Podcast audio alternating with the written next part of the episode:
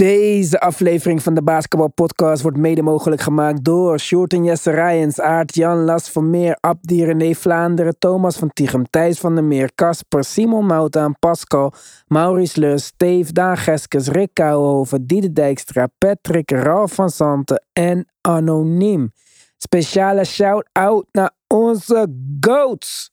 Robert Heiltjes, Yannick Tjongajong, Wesley Lenting, Robert Lutte, Taron en Yannick, Samet Kasic en Myron. We zijn op Apple Podcasts, we zijn op Spotify, maar we zijn deze zomer ook op Petje Af. Help DBP de zomer door en into de winter, hoe je het ook wilt noemen. Wij hebben jullie support nodig. Ga naar de basketbalpodcast.nl, kies voor luister op Petje Af. Join the family, support the movement. Let's go.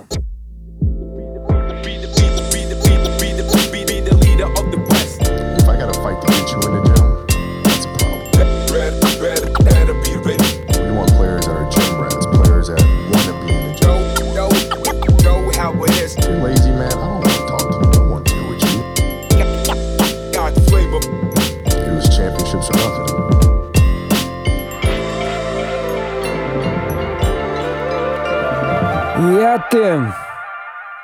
Eindelijk is hij daar. Jullie grote free agency signing. Hè? We negeren Kyrie gewoon even. Grant Williams. The missing piece of the puzzle. Of toch niet? Nou, een van de missing pieces misschien, maar zeker wel, eh, zeker wel een van de. Ja, ik denk dat het perfecte fit is, een perfecte signing is geweest. Als ze dan één eh, free agent hadden moeten targeten die het ook daadwerkelijk lukt om te signen, dan was het wat mij betreft Grant Williams geweest. Dus ik ben, ik ben er heel blij mee. Voordat we het gaan hebben over de Dallas kant van de trade. Want dat is het uiteindelijk geworden. De Celtics verliezen wel mooi hun twee beste verdedigers in één offseason. Dat Ja, eh, hoor absoluut. ik niemand roepen. Nee, er is nog te weinig aandacht voor. Ehm, maar dat ben ik absoluut met je eens. Ik denk dat dit weer eh, aangeeft wat wij in ieder stadium ook al eigenlijk over Joe Mazzulla be- bespraken. Dat is dat hij toch ja, anders dan wat Ime Udoka deed, meer en meer de nadruk aan het leggen is op een ja, volle bak aanval. En misschien wel eh, met, met heel veel opties. Maar zeker op verdedigend vlak aan het inleveren is momenteel. Hoe voel jij je nu over mijn take dat het weer een stapje terug gaat dit jaar? Hé, hey, luister, ik blijf het herhalen. Het is uitgekomen vorig jaar. Ja, ik snap je. En als je zegt van ja, kijk naar wat, het, eh, wat de verdediging doet en wat, wat voor aandeel de verdediging had in hun succes toen ze het wel hadden. Ja, dat kan ik niet ontkennen. Aan de andere kant, ja, ze gokken nu op de aanval. En daar zijn ze ook wel, wat mij betreft, wel beter in geworden. Ik denk echt dat eh, ja, die Porzingis trade ze op aanvallend vlak wel gaat helpen. En dat ze dat ook wel nodig hadden daar in het frontcourt. Maar goed, ik ben het met je eens. Ik kan niet ontkennen dat dit Celtics team er verdedigend niet beter op is geworden de laatste weken. Ja, dat eh, denk ik ook. En dat was de basis van hun succes, denk ik. En ook iets waar ze altijd op konden terugvallen. Daarom ja, hamerde. Judoka daar zo zwaar op. Dus eh, ja, ik wil niemand met een eh, groen hart die Nederlands praat de moed in de schoenen doen laten zinken. Maar gaat niet werken, jongens. Dit, eh, het, het wordt uitdagender en uitdagender. Maar we gaan als goed is wel een iets ander Celtics zien dan we misschien de afgelopen twee seizoenen, met name onder judoka, gewend waren. Ja, Yes. En eh, season high, record high eh, turnovers. Dallas Mavericks, Tim. Het, Ja. Ik snapte even niet meer hoe dit allemaal nog voor hun goed zou gaan komen. Voor hen. Want ja, Kyrie, Luca, er blijven toch wat duidelijke zwakheden over. Die Javel McGee-zijding vorig, vorig jaar mislukte. Ik dacht, ja, geen Dorian Finney-Smith meer. En dan komen ze met Grant Williams op de proppen. Nou, ik zeg niet dat dit naar mijn mening ideaal is, maar ik denk naar omstandigheden en wat er op de markt was, was het wel de beste keuze. Iemand die kan schieten en verdedigen en misschien een beetje ook boven zijn size kan verdedigen. Absoluut. Ja, hij geeft je in dat opzicht denk ik ook wel wat meer eh, opties qua line-ups die erg goed eh, van pas gaan komen. Maar ja, je zegt het net zelf al, dit is, dit is het type speler dat ze nodig hadden. We hadden nog wel meer nodig, maar dit zeker. En ik denk dat, eh, ja, dat hij in potentie een heel belangrijke rol gaat spelen op dit team. Want ja, eigenlijk vult hij een combinatie van gaten die dit Mavericks team nog hadden. Dus ja, het, het, is niet alles of niks, maar dit, is zeker, dit is zeker een hele grote stap in de goede richting. Dat is wel een dure stap, vind ik. Want vertel eens wat die uh, heeft gekost. Vier jaar 54 miljoen gaat hij verdienen. En hij heeft gekost Reggie Bullock. Nou ja, daarvan zijn de meesten denk ik eerder blij Joey. dat hij vertrekt. ja, dan dat hij, dan dat hij nog waarde had. Die waarde liep inderdaad wel snel terug. Um, de Mavs krijgen, en dat wordt veel te vaak overgeslagen, nog wel ook twee future second round picks van de Celtics mee in deze deal. Dus dat is wel goed zaken doen. Maar goed, er gaan uh, second round picks naar de Celtics. En de Spurs krijgen dus uh, met Reggie Bullock. En nog een unprotected Kijk, first round pick swap dat, van de Mavs in 2030. Kijk, en dat is... Uh, Oeh Tim, dit gaat zo Ja, dat is tricky hè? Want ja. als Luca weggaat... En in 2000 ik heb, ik heb een naar voorgevoel. Net als bij de Celtics, maar ik denk dat dit een dure pick wordt. Uh, ja, er, er, is, het is denk ik niet zonder reden dat Dallas eerst een, volgens mij een unprotected first in de Kyrie trade wegdeed. Volgens mij in 2029, als ik me niet vergis, in ieder geval nog, nog heel ver uit. En nu dus ook een unprotected 2030 first round pick swap de deur uit doet naar de Spurs, die daar denk ik heel veel interesse in hebben. En dat, ja, ik kan niet ontkennen dat ik dat wel een klein beetje begrijp. Ja. ja. Ik denk dat Spurs-fans gaan een déjà vu krijgen. Toen ze al David Robinson hadden en alles en nog wat. En opeens Tim Duncan mochten toevoegen. Dan ga je zien dat over zeven jaar Wembanyama on top of de NBA uh, is. En dan mogen ze er opeens een lottery pick uh, supertalent aan toevoegen. Als Luca niet nog... blijft, is, wordt lastig, Tim.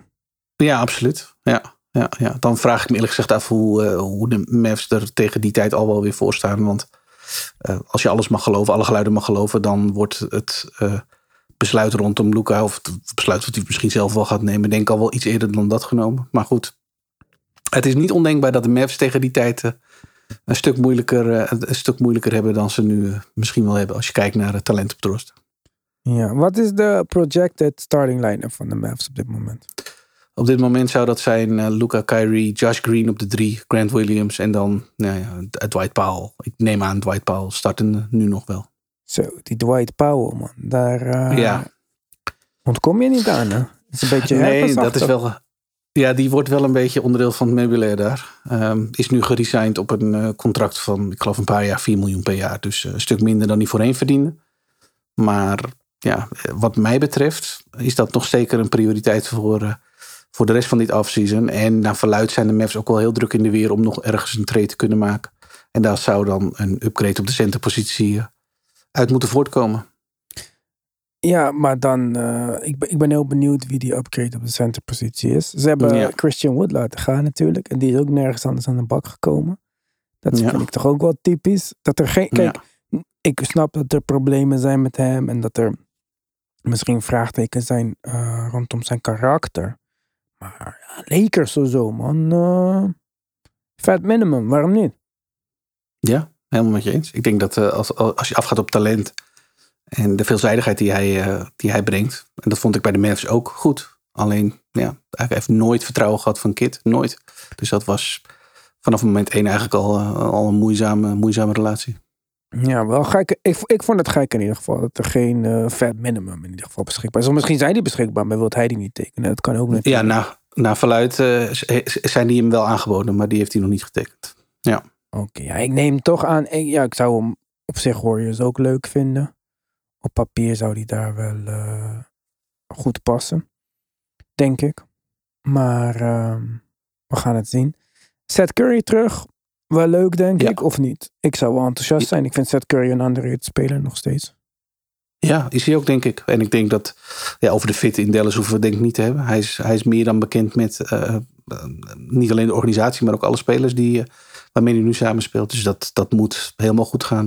Het sterkt mij alleen nog maar in de gedachte dat de Mavericks, denk ik, voornemens zijn om nog een trade te maken. Omdat ja, ze, ze hebben Tim Hardaway. Uh, tegen een, wat meer geld. En die heeft uh, inmiddels een, een dusdanig tradable contract. Dat, ja, dat is ja. wat mij betreft de piece die uh, bij de start van komend seizoen niet meer op Mavs roster staat. Als het, als het aan de Mavs front office ligt, denk ik. Ja, en wat ik heel leuk vond. Dante Exum. Ja, Ja, die Ja. eh, hoge pick ooit. Beetje pech gehad met blessures. Niet echt een schot kunnen ontwikkelen. Dat heeft denk ik zijn eh, tijd in de NBA wat eh, ja, vergeetachtig gemaakt. Maar ging toen naar Europa. Heeft bij Barcelona gespeeld. En bij Partizan. Waar hij een heel goed eh, seizoen heeft gedraaid denk ik. En Ja. ze hebben zelfs daar de Servische titel gewonnen. Dus eh, met, een, met een best wel grote rol van hem. eh, zou ik wel durven stellen. Ik denk dat we hem in de NBA toch weer meer gaan zien om zijn verdedigende kwaliteiten. Maar hij is nog maar 27. En is wel een Ja. atletische 6'5 combo guard-achtige speler. Dus ik vind het leuk. Ik vind het een leuke signing. ja, absoluut. Ik hoop dat hij eh, ook daadwerkelijk eh, wat minuten kan gaan maken. Maar als dat zo is, want ze hebben natuurlijk Jaden Hardy eh, ook nog als een soort ja, combo guard, point guard. Maar ja, die zal in. Ja, die is kleiner dan Exum en zo. Ja, ja, ja. Maar eh, er wordt ook wel veel de bal in zijn handen verwacht. Dus ja, ik hoop dat hij eh, in die rotatie wel wat minuten kan eh, gaan, gaan maken. Maar hij heeft zijn carrière echt ja, een soort van revived, lijkt het wel in Europa. Hij heeft erg goed gespeeld, als ik, het me, als ik me goed heb Ja. laten informeren. En dat Ja, heeft de interesse weer een beetje aangewakkerd. Dus ja. Ja, ik denk, het zou mij niet verbazen als hij de eerste guard van de bank is. Oh, ja. Vooral in de minuten, want ze gaan denk ik de minuten van Luca en Kyrie eh, veel sterker. Dus dan heb je al een dominante balhandler. Dan is Dante Ja. Exum je beste verdedigende eh, guard die je op je roster hebt. Dus waarom zou je niet veel extra minuten met Kyrie spelen, bijvoorbeeld? Of met Luca trouwens, want die... eh, Ik denk dat dit Ja. een interessante, interessante pairing wordt. Maar goed, dat is misschien genoeg Dallas. Joey dacht nee, ga verder. Maar helaas Joey. Summer League, daar heb jij natuurlijk naar Jaden Hardy gekeken, neem ik aan. Absoluut. En met blijdschap ook, neem ik aan. Zeker. Jaden Hardy heeft eh, in, deze Summer League expres heel veel de bal in zijn handen. Mag het een beetje naar zijn hand zetten. En dat, eh, ja, dat vind ik als Mavs fan heel leuk om te zien. Ja, de rest van ons zaten een beetje te wachten op die matchup tussen de nummer 1 en de nummer 2 pick van de afgelopen draft. De Charlotte Hornets met eh Brandon Miller tegen de Spurs met Victor Wembanyama. Of na, als je Mark Jones moet geloven en Doris Burke. Want die zeiden dit gewoon de hele broadcast verkeerd. Eh, het is maar de meest gehypte prospect in de afgelopen, wat zullen we zeggen, tien jaar of zo. Ja. Dit was toch weer belachelijk, joh. Iedereen ontslagen, Mark Jones mag blijven. Jongen, jongen, jongen. Maar goed. Beetje underwhelming, denk ik, van Wembanyama. Maar hij zei het zelf ook al na de wedstrijd. Hij had geen idee wat hij aan het doen was. Hij is nog niet eh, acclimated. En League zegt ook voor de rest niet zoveel. Ehm, denk ik. Ik weet niet of jij daar ander, anders over denkt.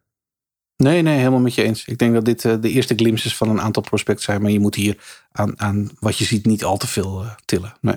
Nee, maar toch wil ik weer een eh, hot take doen.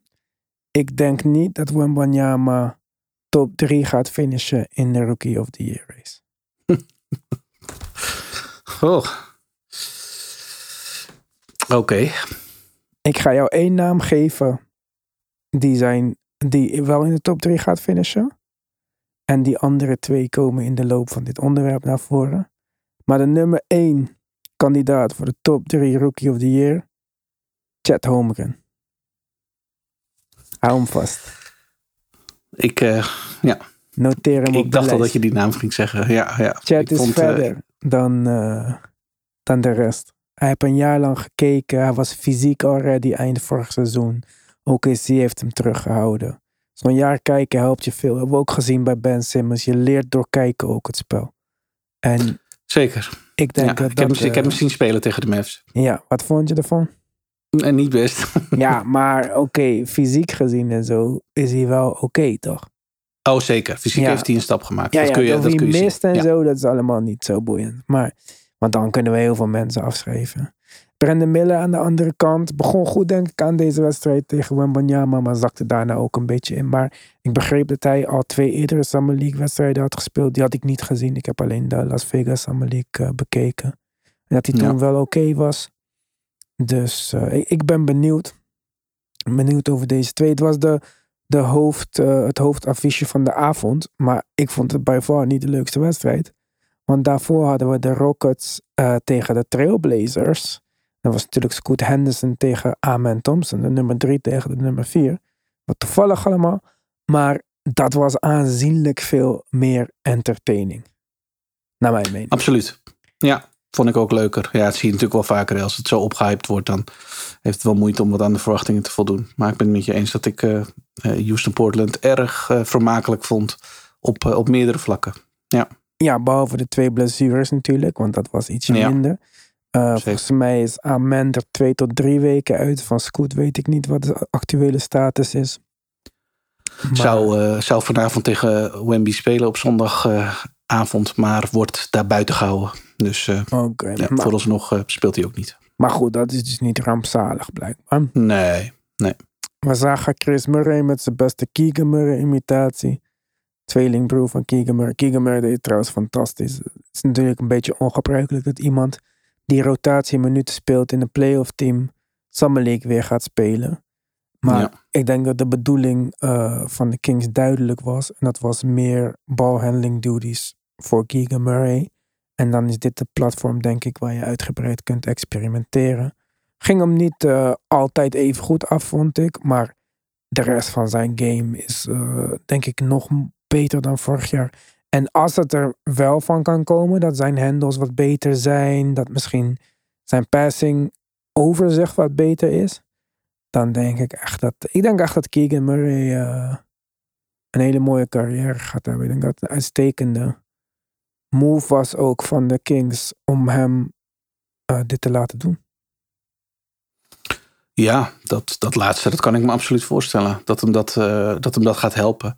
Omdat, ja, ondanks dat hij heel veel goed deed afgelopen jaar, was hij natuurlijk wel met bij uitstek de, speler die eh, ja, in de hoek de, de, de open schoten raakschoot, zeg maar. En op deze manier eh, trigger je hem toch een beetje om eh, nou ja, zijn game wat meer te ontwikkelen, ook met de bal in zijn hand. En ja, dat is denk ik iets wat bij hem nog wel, nou ja, veel kan verbeteren. En dat, dat gaat de, de, de Kings met hun manier van spelen zeker helpen. Want ja, er is zoveel movement, zoveel eh, balmovement ook. Ja, dat als Keegan Murray ook een beetje eh, af de dribble eh, gaat scoren. Anders dan, eh, dan- anders dan alleen maar schieten wat hij afgelopen seizoen nou, voornamelijk deed. Ja, dan wordt hij nog gevaarlijker wat mij betreft. En het is duidelijk dat hij, dat, eh, dat hij die potentie absoluut heeft. Ik heb hier een, nog de volgende hot take. Het was warm deze week, jongens. Maar de Kings gaan aankomend seizoen meer als de Warriors spelen dan de Warriors. Dat zie ik ook wel gebeuren, ja. Ik ga je straks Dat zie ik- vertellen waarom, nog meer. Ja, Maar hou die vast. Even terug naar de Rockets. Shader Sharp liet zien eh, dat hij nog steeds heel hoog kan springen. Hij Ja. was niet eh, super efficiënt, maar het is wel echt een explosieve speler. Maar ik zeg het in Scoot. Ik denk dat Scoot de reden gaat zijn dat Damian Lillard de snelst vergeten beste speler getraind uit de franchise-geschiedenis ooit wordt. Want als ik nu moest kiezen voor Scoot vier jaar of Dame vier jaar, zou ik gewoon Scoot kiezen. ja 100% ik ook. Ja. Fuck, deze Dame schieten onzin nooit ergens toe geleid, joh. Ja, ik, eh, ik zat er te kijken en ik dacht alleen maar, dit, er is geen optie meer. Dit is de Dat- perfecte eh, tijd. Ja, dat de Blazers zeggen van, we kunnen niks goeds vinden, we houden Dame. Nee, dit- nee, je moet nu de sleutels heel snel overgeven naar Scoot. direct. Dit is, eh, eh, dit, ja. Hij is, hij is nu Hij is, al, hij is ready. ja, hij is nu al een betere shot creator voor andere mensen. Zijn fysieke dreiging naar de ring. Het is een LeBron-achtige stijl van pasen, vind ik, dat hij heeft. Ik zeg niet dat hij net zo goed is als LeBron, hè, voordat alle bron-sexuals weer eh, gaan demmen. Maar gewoon de manier hoe hij naar de basket gaat. Kick-out naar open shooters. 21 minuten, Tim. 6 assists. Twee Ja. turnovers. Dat heeft... eh, ik, ik weet dat het een kleine sample size is, maar dat is niet Dame's game. En ik snap dat hij niet threes kan schieten als Dame, maar zijn twos en stepbacks en zo zagen er gewoon goed uit. En Ja, hij is absoluut. een betere verdediger. En ja, en hij is jonger. Ik denk echt dat als de... Ik weet niet hoeveel Blazer-fan luisteraars wij hebben. Maar als ik, de Blazer, als ik een Blazer-fan was, zou ik niet denken... Oh nee, Dame, blijf. Ik kan het niet aan, niet vertrekken. Nee man, ik zou vet enthousiast zijn. Scoot Henderson, Shaden Sharp, misschien Anthony Simons ben je enthousiast. Jeremy Grant is op zijn minst een goede roleplayer. Met zoveel jonge spelers die niks verdienen, boeit het contract van hem ook niet meer. Even nog een andere center, want ik hoef niet Nurkic te zien met deze vlotte jongens allemaal. En Die, eh, eh, Zou eigenlijk mee moeten in die trade. Ja. ja, dan zijn we back in business, man. ja, en in ieder geval met heel leuk basketbal. Want zelfs al zou je het van tevoren tegen me zeggen... nou, eh, oké, Dame is weg. Het wordt het team van Scoot met uh, Shaden Sharp aan zijn zijde. En we gaan in ontwikkeling. Dan zou, nog zou ik zeggen prima. Want als je nu al ziet wat de, de hele, hele kleine sample size... die we nu gezien hebben van die twee samen doet... ik zou er meteen voor tekenen. Daar wil ik best een heel seizoen naar Ik kijken. Dat vind ik echt geen, geen enkel probleem. Zeker. En dan hebben we nog niet eens de rest van het team. Dus eh, Ja. ik was wel enthousiast. Ik zag Billups aan de kant zitten. Ik hoop dat hij, eh, of tenminste in het publiek gewoon aan de kant. Ik hoop dat hij eh, dit jaar laat zien dat hij die coach position waardig was. Dat was Ja. niet veel vorig jaar. Maar ehm, nee, ik, ik zou wel enthousiast zijn als ik een Trailblazers fan was. Ik denk dat de toekomst er goed uitziet. Hetzelfde geldt trouwens voor de Rockets. Eh, net zoals Keegan Murray, Jabari Smith. Ook hoge draftpick. Ook gewoon gespeeld vorig seizoen, maar toch in Summer League. Zij zelf ook, waarom zou ik niet spelen? Het is niet alsof ik de beste start van mijn carrière had gehad. Ik weet niet of ik ooit 17 vrije worpen heb gezien van iemand in Summer League in één wedstrijd. Maar hij was natuurlijk aanwezig in de wedstrijd. Niet alleen door het laatste schot, wat hij heel knap raak schoot. Maar hij liet ook denk ik wel zien dat hij gewoon ehm, in ieder geval in deze Summer League wat agressiever is begonnen. Wat agressiever met het zoeken naar zijn eigen schot. Of met het eh, ja, gewoon niet nadenken en schieten. En ik denk ook dat hij eh, voor een goed eh, tweede jaar gaat. Oh, 100 procent. alleen al afgaande op hoe hij de laatste weken slash maanden van het afgelopen reguliere seizoen speelde, zag je al van, ah, volgens mij heeft hij wel het een en ander ontdekt aan zichzelf. En dat, ja, die lijn zet hij wat mij betreft hier voort. Als je nu de Rockets kijkt, eh, dit is een typisch voorbeeld van een team, een, echt een loaded team in de Summer League. Wat volgens mij de Ja. Thunder, ik vind dat van de Thunder vind ik dat ook. Ja, daar kun je, daar kun je al heel veel zien van hoe, eh, hoe het komend seizoen gaat zijn. Eh, bij de Rockets ligt dat misschien nog anders, omdat Van Vliet en Dylan Brooks daar nog bij komen. Maar ik denk dat de rol van Jabari Smith Nou, ja, groter gaat worden dan we, dan we, dan we zagen. Want hij, hij heeft echt iets unlocked, denk ik, in zichzelf. Het was het begin van het seizoen niet zoveel. Maar eh, als je hem tegen het einde van het seizoen zag basketballen al, dan was er wat mij betreft al een wereld van verschil. En dat zie je eigenlijk op dit toneel ook. maar je noemde even Fred Van Vliet. Je zei, eh, ik weet niet meer wat je zei. Nee, niet dat ik niet weet wat je zei, maar je noemde Fred Van Vliet. En ik denk dat Fred Van Vliet een beetje flashbacks gaat krijgen naar Toronto. Maar die ook dacht dat hij de point guard was. Totdat daar ehm, Scotty Barnes binnenkwam. En dacht van, hé, hey, ik ben toch echt wat beter met de bal in mijn handen. En Tim, amen Thompson. Hij was wel goed, hè? Dit is het type speler waar Iwan van houdt. Vier blocks, drie steals, vijf assists, vier rebounds, 16 punten, 3 uit 4 van de lijn, 1 uit 1 van 3. Boven bijna 50% van de field. En feel voor de game. Ik vind hem echt goed. ja, hij, eh, hij was opvallend. Hij was echt, eh, ik, vond- ja, ik vond het ook leuk om te zien. Hij deed echt goed. Ja, absoluut. Tweede kandidaat voor de top 3 Rookie of the Year ranking voting dingen. Volgens Ivan. Chat, amen. Eh, Tari Eason trouwens zag eruit als een soort van baby Sean Camp of zo. Ik, ik weet dat ik hem vorig jaar heb gezien, maar ik wist niet dat, dat hij zo was. Ja, ja echt goed. Ja. Ja, Ja, dit, dit werpt alleen maar de vraag op hoe de Rockets dit in hemelsnaam gaan doen, rotatietechnisch. Want daar, als je ziet wat dit voor, ja, dit al leuke jongens geeft. Als je vier van de vijf starters van, van de wedstrijd waar we, nu, eh, waar we het nu over hebben neemt. Dan zou je van vier van die vijf jongens verwachten dat ze ook ja, komend seizoen voor de Rockets leuke dingen gaan doen. Maar die plek is er niet. ja, want eh, een van die jongens is Cam Whitmore. En als ik hem zou hebben gezien in college, dan had ik wel begrepen waarom hij zo hoog stond op menige mockdraft board. Want ja, hij ziet er wel uit als eh, een van de meest explosieve rookies in deze hele klas. Ja, precies. Hij is zeker oogt NBA ready. Nogmaals, ik weet niet wat het was waardoor hij zo laag gezakt is. Maar voor de Rockets is hij dus niet een startende forward. Aangezien ze Dylan Brooks hebben gesigned eh, voor een deal die ook nog eens een keertje uit de hand aan het lopen is. Ja, echt hè. Ja. Ah, ah. Het was al heel veel en nu zitten we al op 90 en dan nog incentives volgens mij. Volgens mij was het 86 plus incentives kan het 90 worden. De tering, hé. Voor, eh, Ja, het is echt veel. Mensen zeiden een maand geleden hij moet naar China. Ja. ja, dit is wel iets anders dan China. Ja. Ja, en ik heb er nog even over nagedacht. Los van dat Cam Whitmore nu goed was, we weten niet hoe goed hij echt gaat zijn. Maar ze hebben gewoon een hoop spelers daar. Met Jabari Smith, met Shangu, met Jalen Green, nu Fred Van Vliet, eh Amen Thompson. Daar is al geen ruimte meer voor al deze spelers. Eentje moet alweer niet spelen. En dan ga je Dylan Brooks tekenen voor zoveel geld.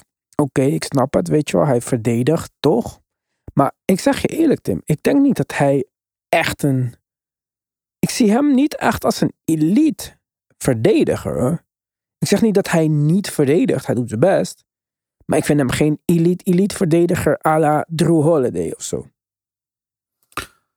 Dan zou ik het nog snappen. Als je, kijk, Ja. als je Drew Holiday binnenhaalt in dat team, eh, dan snap ik het.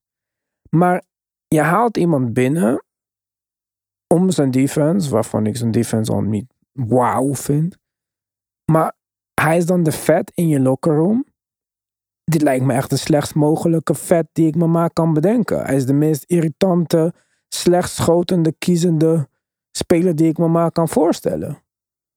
Hoe gaat hij jonge jongens iets leren terwijl hij zelf nog steeds denkt dat hij Kobe is? Ja, hij is eh, volgens mij geen, eh eh, geen gevalletje lead by example. Maar, Nee. eh, het, eh, het is wel... Ja, en wa- waar ik me dan ook een beetje zorgen om maak. Maar misschien gaat dit eh, onder Judoka anders zijn. Is ja, als je hem ook nog eens zoveel geld geeft. Hoe kan het dan dat deze jongen straks niet denkt... Oh, eh, ik heb Fred van Vliet naast me die ook heel veel geld verdient. Maar het is ons team. Dat weet ik wel zeker dat hij dit gaat denken. Ja. En- En dat wordt wel even een dingetje. Want Jalen Green denkt dat namelijk ook. Ja, en dat eh, Jalen Green heeft het recht om dat te denken. Maar als, het dus, Ja. als we ervan uitgaan dat Fred Van Vliet en Jalen Green sowieso starten, toch? Dit is 100%. Ja, natuurlijk. Mocht er nog een trade komen, kan het misschien veranderen. Maar Shengun gaat starten als center. Zeker. Oké, dus twee posities zijn over. Waarvan ik denk dat Jabari Smith ook een lock is. Hè? Maar oké. L- Lijkt mij ook. Ja, Maar dus dat zijn Ja. twee forward positions over. Voor in principe Jabari Smith, Cam Whitmore, Amen Thompson, Tari Eason en Dylan Brooks. Ja, Als je mij vraagt wie moet daar starten, dan is Dylan Brooks de laatste. ja. maar hij gaat het wel worden. Ja, dat snap ik. Maar dit is, Ja. dit is dus... Kijk, want oké, je start eh, Jabari op de vier, toch? Dylan is een drie. Amen Ja. is een guard, maar hij gaat op de drie verdedigen en zo, denk ik. Tenminste. Maar ja, Ja, weet ik ook niet. Tari is een... Ja, wat is hij? Een beetje een... eh, Nou, hij, heeft, hij is nu op de twee gestart. Als je ja, kijkt maar naar, de, dat is naar het. Maar dat slaat nergens op. Nee, onzin. Ja, Tari Eason is eh, zeg maar een 3-4. Ja, 3-4. En Cam Whitmore startte in, dus in deze Summer League op de 3-4, maar die is meer echt een 3. Ja. Dus wat wordt dan de depth chart? Dylan Brooks, Amen Thompson, Cam Whitmore. En Tari Eason achter Jabari Smith. Want KJ Martin is wel. Ja, ja, klopt. En die startte ook wel of was, eh, kwam heel snel van de bank af. Dus Ja, inderdaad. dus dit wordt de lijnen. Ja, dat, kan, je, ja. dat kan je niet. ik kan dat niet. nee. Nee. Niet goed plaatsen. Nee. Ja. En dan heb je ook nog eens Fred Vliet, die natuurlijk bij Toronto vandaan kwam en ongeveer de leider in minutes per game was. Dus die is gewend om heel veel minuten te spelen. Ik neem aan dat als je 40 miljoen plus per jaar verdient, dat je ook verwacht dat je heel veel minuten gaat spelen. Dus, ehm, en Jalen Green, ik zou niet weten welk bezwaar je hebt om hem heel veel minuten te geven. Kijk, Judoka heeft natuurlijk wel gezegd, dat heeft hij al een aantal keren herhaald. Iedereen moet voor zijn plek vechten en iedereen moet zijn plek verdienen. Dus je ziet waarschijnlijk voorbeelden van ehm, jongens die ook vorig jaar op de Rockets speelden, die misschien fouten gaan maken en meteen naar de kant gehaald worden en de rest van de wedstrijd niet meer spelen, bij wijze van spreken. Ja. Omdat hij een toon, omdat hij een toon gaat zetten, omdat hij een cultuur wil gaan veranderen. Maar als dat allemaal een beetje, laten we zeggen, als die, dat stof neergedwarreld is en de, de rotations zijn een beetje set en, en de team speelt, ja, betekent dat dan dus dat Amin Thompson amper minuten gaat zien? Ja. Terwijl Dat is Je kan ongeveer het enige wat hij moet doen komend, komend jaar. Ja. Minuten spelen. Dat is mijn punt. En als ik, Ja. kijk, zonder, ja, het is echt een overreaction natuurlijk, hè, want het is één Summer League game wat ik heb gezien. Maar als Ja. aan mij nu zou zeggen, wie is de meest talentvolle speler op het Rockets roster, dan zou ik zeggen, amen. Meer dan Jalen Green, want Jalen Green is gewoon een high volume scorer, wat mij betreft. Amen Ja, zie ik echt als een, als de number one guy op een team. In Oh, mogelijkheid. Oh, nou, ik, ja, ik, ik, zie, ik snap dat Jalen Green dat wel is. Maar ik zie hem wel daarnaast als de, de, de jongen met de bal in zijn handen. En juist Ja. dat aspect kan ik nu niet meer plaatsen. Want ik denk, ja, oké. maar er zijn er al een aantal die daar of heel veel geld verdienen... of gewend waren met de bal in hun handen te spelen. Dus ja, dan blijven er echt heel weinig minuten over als het zo doorgaat. Ja, ik, eh, ik, ik zeg je, ik, eh, dit gaat een probleem worden. Want ik ben ook bang dat Judoka wil ook een beetje winnen en zo. Ja, Dus die ja. gaat Dylan ja. Brooks en dingen is het heel veel. En er moet niet eens een center bij komen. Want als er nog een, weet toch wat tips deed met Taj Gibson, terwijl er jonge centers op de roster zijn? En precies, ja. Geloof mij, als zij één zo'n center krijgen, dan speelt hij boven Shengun. Want Shengun is niet de beste verdediger. En die moet ook nog fouten maken om beter te leren verdedigen. Het gaat echt Klopt. zonde zijn. Ik, en dan, zelfs met Feds ga je mij niet zeggen dat de Rockets opeens de, de, de finale, de playoffs gaan halen of zo. Dus, Dat is een hele grote stap. Als je ziet waar zij vandaan komen. ja, dus dan heb je al die minuten gegeven aan Feds om wat uiteindelijk? Ik weet niet, man. Ik, ik zou het echt leuk vinden. Ik denk dat ze hebben zoveel leuke spelers. Ik, ik vind het best wel leuk, denk ik, om ze te gaan kijken. Op Dylan Brooks Ja. na dan, die ik echt tering irritant vind. Maar ja, ik ben bang dat we die leuke spelers het minst in actie gaan zien. En dan hebben we het nog niet eens over Kevin Porter Jr. gehad, die eigenlijk ook helemaal niet slecht was de afgelopen jaren. Nee, het was een starting point guard. Dus Ja. ja, wat, wat, Ja, oké, op een wat- kutteam, dus dat boeit ook niet zoveel. Maar Ja, maar hij gaat niet van, ik neem aan, niet van de starting point guard rol naar de, de achterkant van de bank. En we hebben Ik hem denk in deze wel. hele rotatie.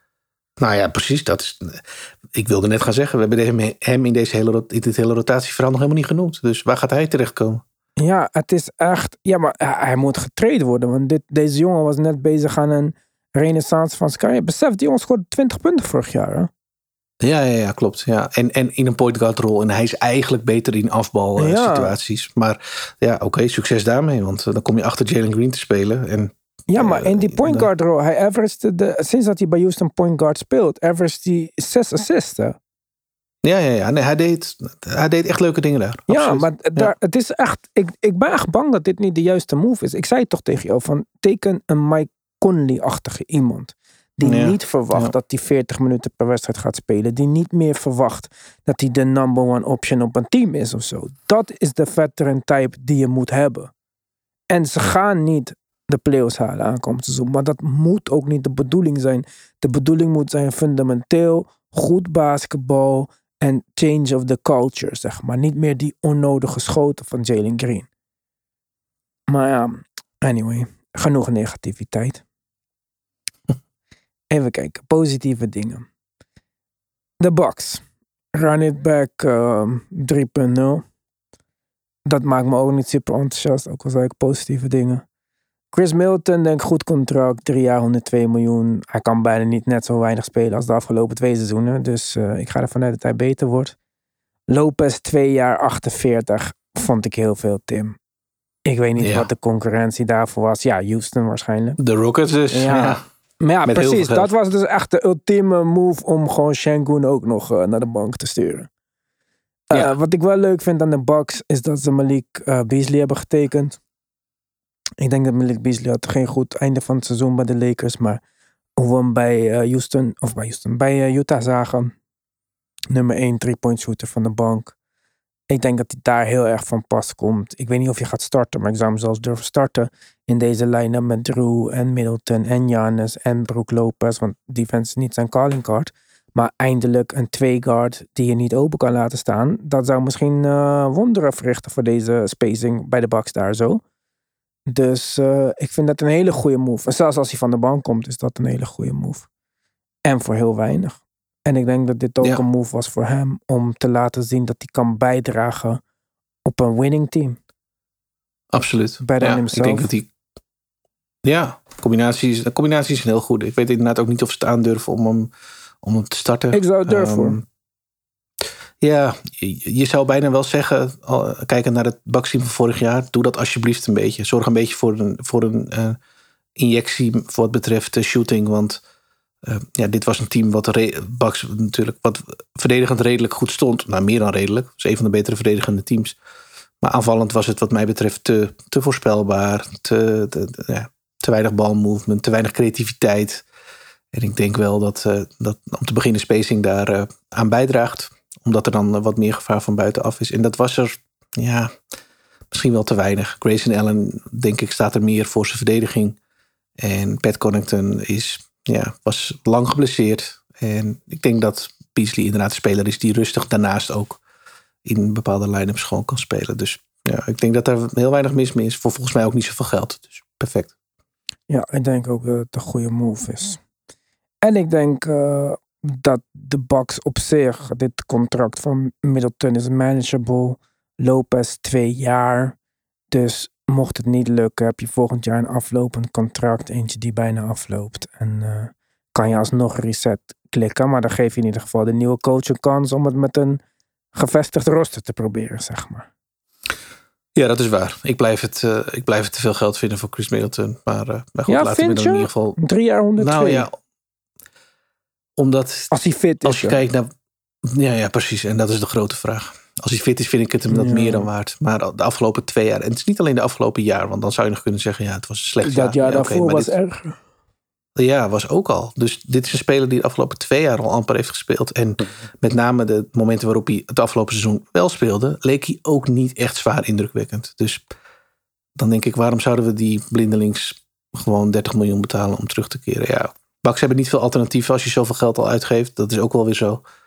Maar eh, ik hoop in ieder geval voor hun en voor hem dat hij niet geblesseerd raakt. Dat lijkt me de belangrijkste opgave. En dan gaan we wel zien of hij het waard is. Ja, denk ik ook. En we gaan een nieuwe offense zien aankomend jaar. Hè? Dus ik ben Ja. heel, eh, heel benieuwd hoe dat gaat uitpakken. Want ik zou het ook wel leuk vinden als we niet meer hetzelfde krijgen. Ook al heeft het één keer gewerkt, maar alsnog leek het niet alsof het eh, nog een keer ging werken. Klopt. Dante DiVincenzo naar de Knicks. Ja, heel leuk. Vier jaar, 50 miljoen. Super. Totaal geen eh, wings nodig die groter zijn dan 6'5. Waarom niet, joh? Het grootste gebrek bij de Knicks. Maar nu gaan we gewoon lekker eh, volgend jaar eh, Josh Hart op de power forward backup spot zien. Kan gewoon. Waarom niet? Kan gewoon, ja. En de jongen met lengte die er zat, die is weg. Dus nee, keurig. Ja. Het gaat helemaal goed komen. Ja, kijk, vanuit mijn positie zijn de Knicks echt aan het kloten. Ehm, als je gelooft in Randall en denkt dat Tips zijn beste tijd er niet op zit, ja, dan kan je zeggen, ze spelen het rustig. En ze doen geen gekke, doen, gekke dingen tot er echt een grote move te maken valt. En ze zijn er wel een goede two-way speler op een redelijk contract. Dat is de positieve spin die ik eraan kan geven. Ja, maar ik denk ook niet dat het aan DiVincenzo ligt. Want ik denk dat DiVincenzo een prima speler is. Ik vond hem belangrijk bij de Warriors. Ik vind het een goede speler. Dus dat, dat, Ja, dat- maar, daar ligt het niet eh, aan. Hoeveel spelers van 6'5 kan je op een roster hebben?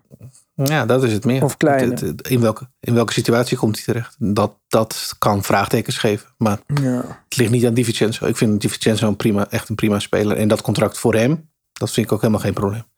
Maar ja, wat gaat hij doen daar? Ja, ik weet het ook niet. Maar eh, we gaan het zien. Ik wil het niet over de niks hebben. Twee leuke dingen. We hebben twee, of eigenlijk twee, de afgelopen MVP's van de Euroleague. Komen beide naar de NBA. Mitsic komt van, ehm, shit, waar was Mitsic? Evans natuurlijk, tering. En Versenkov komt, die, eh, Oh, oh. wat? Ja, van Olympiakos toch? Ja, oh ja, ja, ja, sorry. Maar ik moest even nadenken toen ik die naam hoorde. Ik wist niet eens wie de Euroleague MVP was sowieso. Maar we hebben hem natuurlijk ook gezien op het EK. Twee jaar geleden vorig jaar. Wanneer was het? Dat was echt super leuk, man. Hij was toen echt vet goed.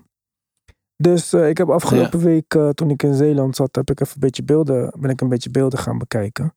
En hij is dan ook mijn nummer drie in Ivans top drie Rookie of the Year race. Early tip. Gok iets. Ja. En ehm, ik ga je vertellen waarom, Tim. We hadden eerder al over dat ik zei van... eh, de Kings gaan meer als de Warriors spelen dan de Warriors. Daar waren ze mee bezig onder Mike Brown. Uh, Versenkov is echt de ik spreek het vast niet goed uit, maar is echt de ideale speler voor dit systeem. Ze geven hem een flink bedrag, hè, 20 miljoen. Hij gaat spelen. Dit is niet Ja. een uh, Theodosic-achtige uh, uh, Euroleague MVP die komt. En um, waarom zeg ik à la de Warriors? Eigenlijk de speler met wie je hem het best kan vergelijken, als we het hebben over offense, is Clay Thompson. Alleen dan een veel grotere versie. Want deze man staat niet stil. Je kan alle highlights kijken voor elk shot. Deze man is constant in, beweging. En zijn verdediging is misschien twijfelachtig. Ik weet niet precies hoe ze dat gaan oplossen en of hij daarom kan starten. Maar ik denk dat we mooie dingen van hem gaan zien. Hij werd gedraft in de tweede ronde een paar jaar geleden om zijn goede schot. Uh, below average athletic features, maar ja. Die hadden Jokic en Doncic ook. Weet je nog, toen Doncic werd gedraft en iedereen zei... ja, heeft de atletische features niet, whatever. Hij werd gestashed. Mm -hmm. Hij werd trouwens bij de Harden trade getraind naar de Cavs. Toen ging hij naar Sacramento. Omdat de Cavs per se Evan Mobley's kleine of grote broer, ik weet niet eens wat het is, wouden hebben. Dat kan nog wel eens een, uh, ook een pijnlijke trade worden. Net zoals die uh, nummer 1 pick die naast Wemby gaat spelen van uh, Dallas. maar uh, in Barcelona gespeeld, niet echt iets gedaan daar. Bij Olympiakos is hij pas echt gepopt. En maar de laatste twee seizoenen is hij pas echt, echt, echt gepopt. Um, MVP van Griekenland, Finals MVP, Griekenland, scoring leader, rebound leader. Um, in 2022 wel in de Final Four eruit tegen Micic. Ik weet niet of je dat hebt gezien, maar misschien heb je het zelfs voorbij zien komen op Instagram. Dat was het laatste schot van de wedstrijd die Micic raak schoot. Drie punten over Verzenkov. Um, ja, hij, hij speelde niet goed die wedstrijd. Vijf punten in de belangrijkste wedstrijden van zijn carrière. Afgelopen seizoen heeft hij, een, uh, ja, heeft hij olie op het vuur gegooid eigenlijk. Hij was de beste speler in de Euroleague high-level shotmaker, won de league, won de cup, Euroleague MVP, Finals Euroleague tegen Real Madrid. Niet meer 5 punten, maar 29 punten en 9 rebounds. Leek oppermachtig. 6 punten voor in de laatste minuut. En toen uh, ging het even goed mis. Dat, dat heb ik dat, dat heb je ook gezien. gezien. Dat hebben iedereen gezien. Ook al je ja. Europees basketbal niet, maar het was natuurlijk Zieke Rodriguez. Ja. Uh, ja, ik weet niet hoe je het uitspreekt, dus zeg gewoon lekker op zijn Nederlands. Lul. Allemaal kwamen met een drie punten over de boeg. Ja, dat was fucked up. Ze stortten wel in elkaar. Ze hebben het daar wel een beetje weggegeven. En uh, nu komt hij naar de NBA. Dus ik weet niet of hij het ooit nog gaat winnen. Maar uh, het feit blijft dat hij gewoon een speler is die uitstekend bijvoorbeeld bij de Warriors had gepast. Maar als je kijkt echt naar wat de Warriors hebben gedaan afgelopen seizoen met de hoeveelheid pick-and-roll die ze hebben gespeeld, zijn de Kings naar mijn mening misschien nog wel meer naar de Warriors toe aan het groeien dan dat de Warriors weggroeien. Of terwijl de Warriors weggroeien. En denk ik dat hij daar echt uitstekend gaat passen. En met genoeg minuten, hij is 27 ook. Het is niet alsof hij te oud is om nog naar. Uh, hij, is wat, hij een laat bloeien. Dus ja, ik zie het wel voor me, man. Die ball movement. Hij kan om uh, zijn bonus heen lopen. Hij krijgt kick-outs van uh, Fox. Hij is echt een shotmaker. Lefty. Ja. Snelle release. Ja, hele snelle release. Gekke release. Het, ja, heel gek, ja. Hij kan zomaar 16 punten scoren aankomend seizoen per game. Dat zou hoog zijn. Ik verwacht het niet, maar... En dat zou hem toch in die top 3 voor Rookie of the Year uh, race zetten waarschijnlijk. Aangezien heel veel andere spelers die minuten gewoon simpelweg niet gaan krijgen of maken. En in Wambanyama's geval niet goed genoeg zijn. Aankomend jaar. En Scoot laten we even wat het is, denk ik. Ja, Scoot is goed, maar uh, je moest een top 3 maken die een beetje mensen begon te irriteren, toch? Dus, uh... Nee, maar ik ben het 100% met je eens dat de fit van Vizenkov in uh, Sacramento waarschijnlijk fantastisch gaat zijn. Ik heb een interview gezien, ik denk een week of wat geleden, met de vaste play-by-play commentator van de Euroleague. Dat is een Brit. Ja. En die gaf inderdaad een beetje een profiel van wat hij was als speler. En die man komt als ik me niet vergis, komt, eh, ik zeg Brit. Het was een Amerikaan is dat. Mhm. Komt uit Amerika, was dus bekend met, eh, met de Kings. En zei, ja, dit is, dit is perfect gewoon. De Kings hebben hem ook vrij zwaar eh, recruited, zeg maar. Hij heeft, Shenkov zelf heeft aangegeven, eh, ik, heb de toezegging op speeltijd. Dat was voor mij ook de reden om te komen.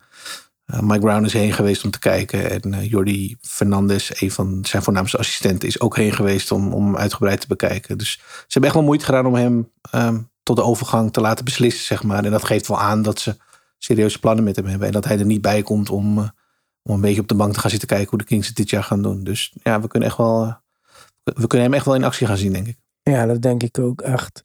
En eh, in tegenstelling tot Mitch, het is dus een uitstekende fit. Waar ik bij Mitch niet snap wat hij bij de tanden moet gaan doen. Ja, zonde. Ja. Ja, kijk, ik, ik weet sowieso niet of die overgang van hem eh, naar de NBA heel smooth zou zijn. Ehm Mitch is meer een driver naar de basket in Europa, wat hij daar heel goed kan. En hij is ook de meest geblokte speler in de Euroleague trouwens. Dat was ook nog een leuk detail. Goed, in de NBA ehm, heb je natuurlijk eh drie seconden regel. Dus het is niet alsof iemand de hele tijd onder de basket kan blijven staan. Dat kan hem daarbij helpen. Aan de andere kant zijn NBA-centers ook wat sneller en atletischer. Dus eh, misschien eh, compenseert dat elkaar weer. Eh, hij, hij is echt een spe- hij, noemt, hij wordt door sommige mensen egoïstisch genoemd. Hij is een speler gewoon die de bal in zijn handen wil hebben. Hele hoge usage rate. Ja.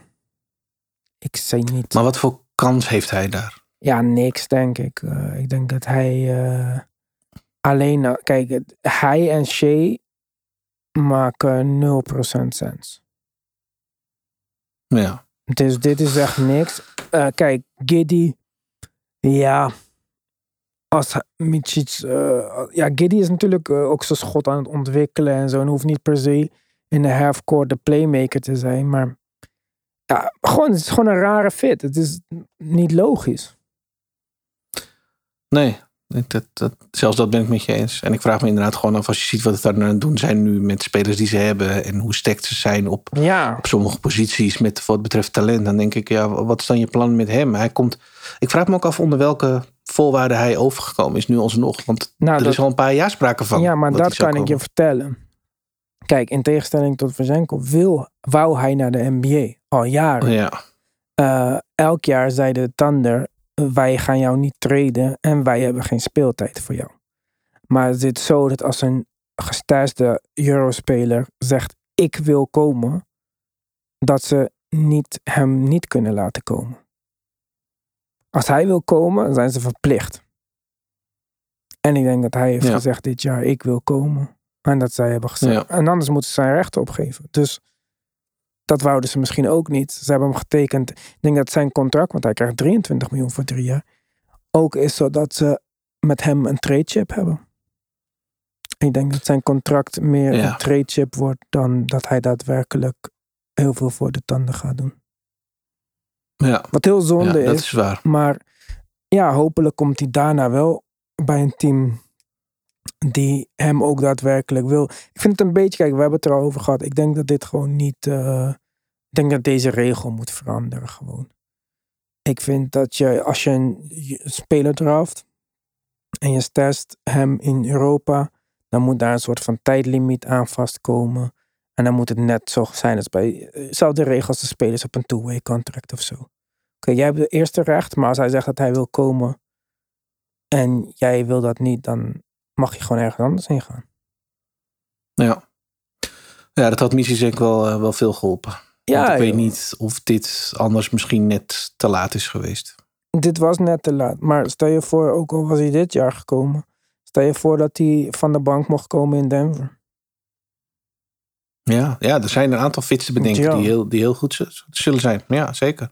Nou ja, dan, dan help, help ik het je inderdaad mee hopen dat hij bij de Thunder inderdaad te weinig ehm, minuten krijgt. En dan inderdaad richting februari, als de Thunder gewoon ook al snel een beslissing durven te nemen. Hem richting februari al kunnen gebruiken in, in de trade. En dat hij dan in het tweede seizoen zelf alsnog ergens terechtkomt waar hij in ieder geval wel de kans krijgt om iets te laten zien. Want ik, Ik- zie het bij de Thunder gewoon niet gebeuren. Nee, ik ook niet. Ik denk dat dit je meest logische optie gaat worden, ja. Hij gaat ergens van de bank komen en dan gaat hij het leuk doen als sixth man, zeg maar. Ja, Dat Ja, zou mijn ik ben heel benieuwd. zijn. En dat is zonde, want er was meer. En als hij wat eerder was gekomen en wat meer. Want hij was niet zoals Verschenko een laadbloeier of zo. Hij eh, was jaar na jaar uh, Euroleague MVP. Hij is Ja. 6'5. Ja. Hij is bewegelijk genoeg. Zijn fysiek is minder het vraagteken als bij Verschenkov of Doncic of wat het ook was. Dus het is gewoon jammer. Het is, eh, maar goed. Dit is hoe die business werkt. En eh, hopelijk gaat hij er het beste van maken. En hopelijk krijgt hij de kans om te etaleren wat hij zo goed kan. En is er een ander team die eh, de schatkist van de tanden nog een beetje wil aanvullen. Ja. Laten we het hopen. Laten we het hopen. Dat eh, was hem weer voor vandaag, Tim. Dat je afstaat online natuurlijk. Als je kan, support the movement. Ga naar de basketbalpodcast.nl en kies voor luister op petje af. Hou DBP in de lucht. Tot de volgende keer.